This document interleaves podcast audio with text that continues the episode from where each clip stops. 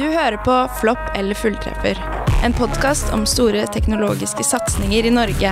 Både de som har vært en suksess fra start, og de som man helst vil skyve under teppet og glemme. I mylderet av mer eller mindre brukte apper vi alle har på mobilen, er det noen som skiller seg ut. Noen som faktisk gjør livet enklere. Ja, som vi nesten ikke kan leve uten. Og hva gjorde vi egentlig før VIPS? Appen som har gjort det lettere både å betale regninger, men kanskje enda viktigere, å få tilbake de pengene man la ut for den middagen i forrige uke. Men hvorfor er det akkurat VIPS vi bruker for å sende penger til hverandre, eller for å betale for bussbilletten? Jeg heter Vilde Alstad. Og jeg heter Sara Engesvik. Og dagens episode handler om VIPS. Året er 2015. Martin Ødegaard blir signert hos Real Madrid. Det er streik i Norwegian, og Trude Drevland blir siktet for grov korrupsjon. Vi går i fakkeltog for å få Julie Blåfjell tilbake på NRK, og Justin Bieber forlater Norge i sinne etter at det har blitt søtt litt vann på scenen. Og kanskje aller viktigst Vips blir lansert. 30. mai 2015 lanserer DNB Vips. Appen som lar deg overføre penger kun med mottakerens mobilnummer, og den blir kalt vennebetalingstjenesten i alle aviser. Den går til topps på AppStore og Google Play, og får over 140 000 nedlastninger på to uker. Vips så var Norges største bank, DNB, på banen med egen vennebetalingsapp, står det i Adresseavisen dagen etter lanseringen. Men finnes det ikke andre vennebetalingsappper allerede? Jo, for Vips er jo ikke revolusjonerende. Det finnes allerede lignende betalingsapper, og i Norge har banken Eika vært først på banen med Snapcash. Og senere kommer også Sparebank1 med sin Mcash. Da Vips blir lansert, er det Rune Bjerke som er sjefen. Han deler fornavn med dagens sjef for Vips, som vi har snakket med, nemlig Rune Garborg. Han forteller oss om hva som gjorde Vips unikt. Nei, Vi var ikke først ute, men vi var ikke så langt etter eh, de som kom først. Eh, men så var jo eh, kommunikasjonen og innfallsvinkelen til VIPS annerledes enn for de eksisterende aktørene, og det har jo vært avgjørende i forhold til den posisjonen som VIPS har i dag. Men hvis VIPS ikke er først ut, hvorfor er det akkurat de som lykkes? Da må vi først gå seks måneder i til tid, til et kontor på DNB. Der har de begynt å skjønne at hvis de ikke lanserer en form for betalingstjeneste før de andre internasjonale konkurrentene, vil de tape milliarder. De har et ønske om å være ledende og best, og for å være det, må de også være først. Så DNB samler mange ansatte som de klarer og gir en tydelig beskjed. Lag VIPS. Autonomien er høy, og ressursene nesten ubegrenset. Her handler det bare om å lansere noe før sommeren 2015. Det her var jo når Rune Bjerke eh, kom tilbake fra eh, Han hadde vært i Danmark eh, og sett på en, en mobil lommebok i Danmark. Og da var han særdeles engasjert når han kom tilbake igjen, og sa da at nå må vi lansere en tilsvarende tjeneste i løpet av seks måneder. Hvorfor sa han det? Nei, for han skjønte at uh, det her kom til å utvikle seg veldig raskt. Og at hvis ikke du kom raskt nok på banen her, så kom det til å være langt bak i leksa. Og det har jo historien vist. Og at uh, den som har tatt markedet først her, har, har vunnet i markedet. Og når det er snakk om eks eksponentiell vekst som det er på vennebetaling så er uh, timingen ekstremt viktig. Ifølge en artikkel fra Frifagbevegelsen er utviklingen av VIPS underlagt usedvanlig strengt hemmelighetshold før den blir lansert, for å ikke trigge utenlandske konkurrenter. Derimot, bare noen få dager før lanseringen, får DNB avslag fra Apple. Apple må teste appen før den kan komme ut i AppStoren, og mobilen og SIM-kortet som DNB har sendt med til San Francisco, har forsvunnet. Da blir løsningen at en ansatt i DNB må dra til California så fort som mulig. Klokka 08.15 dagen etter står hun i resepsjonen i San Francisco og får levert en mobil og et SIM-kort. Hun møter ingen som sier at søknaden har blitt godkjent eller mottatt, men får derimot en liten Post-It-lapp hvor det står at pakken er mottatt. Først når hun sitter på flyet på vei hjem fra California, får hun bekreftelse på at appen er godkjent. Og vips, så var Vips lansert. På to uker får som sagt appen 140 000 nedlastninger. Og til Klassekampen sier DNB at de er nærmere å være en bank fra A til Å, for nå har de V for VIPS. Mediene tipser om at man bør ha en annen kodelås på VIPS enn på mobilen, Og alle overskrifter om VIPS får inn et artig ordtak som bruker ordet VIPS. Men selv om VIPS kan sies å ha hatt en pangstart, begynner de å merke presset fra utenlandske aktører. Ja, for senere samme år lanserer Danske Bank Mobile Pay i Norge, som er danskenes svar på VIPS. Appen har allerede blitt brukt i Danmark med suksess, og nå skal den til Norge. I motsetning til VIPS er mindre transaksjoner gratis hos MobilePay. Det betyr at hos VIPS må du betale én krone hvis beløpet ditt er under 5000 kroner, men hos MobilePay er det gratis. Derimot, bare noen timer etter at MobilePay blir lansert i Norge, annonserer VIPS at nå er alle mindre transaksjoner gratis hos dem også. VIPS ligger med andre ord ikke på latsiden om å bli mest attraktiv for kundene. Suksessen fortsetter, og på bare et halvt år har vips appen nådd én million nedlastninger. Men de må likevel få gjort noe for å møte den stadig økende konkurransen. Og i 2017 gjør derfor Vips en stor endring. Fordi Vips, som tidligere har vært eid av DNB, velger nå å samarbeide med over 100 norske banker for å bli et frittstående selskap. DNB blir størst eier med 52% av aksjene. De skal ifølge seg selv bli hele Norges mobile lommebok. I tillegg så bytter Vips fra DNB sin grønnblå farge til den oransje fargen vi alle kjenner. En av de viktigste som blir med, er Sparebank1. De som tidligere har eid Mcash, en app som har hatt en veldig lik funksjon som Vips, og som nå blir lagt ned. Og med seg over til Vips inviterer de sine 400 000 brukere.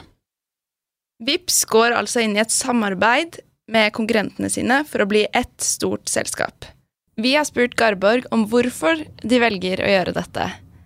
Er det ikke de de skal utkonkurrere?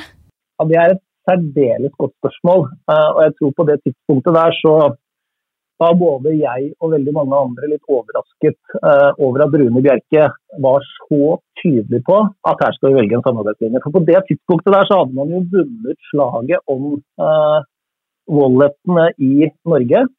Men årsaken til det her er jo fordi at du så dette i et mye lengre perspektiv, og du så det inn mot den internasjonale konkurranse som kom til å komme. For det som er spennende med betalingsmarkedet, er jo at det har jo gått fra å være nasjonal konkurranse mye mellom banker, til at man konkurrerer mot de store internasjonale merkevarene som uh, Apple, Google uh, osv. Og, og da var Rune veldig tydelig på at vi er nødt til å få en, et mye bredere fundament, et sterkere norsk samarbeid for å kunne stå imot i den konkurransen. Og det har så til de grader vist seg å være viktig i, i etterkant.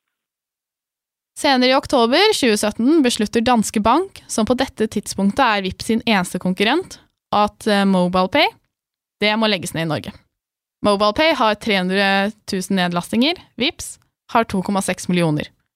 Bare en uke senere går Danske Bank inn med en samarbeidsavtale med VIPS, og det betyr at VIPS ikke lenger har noen store nordiske konkurrenter på det norske markedet.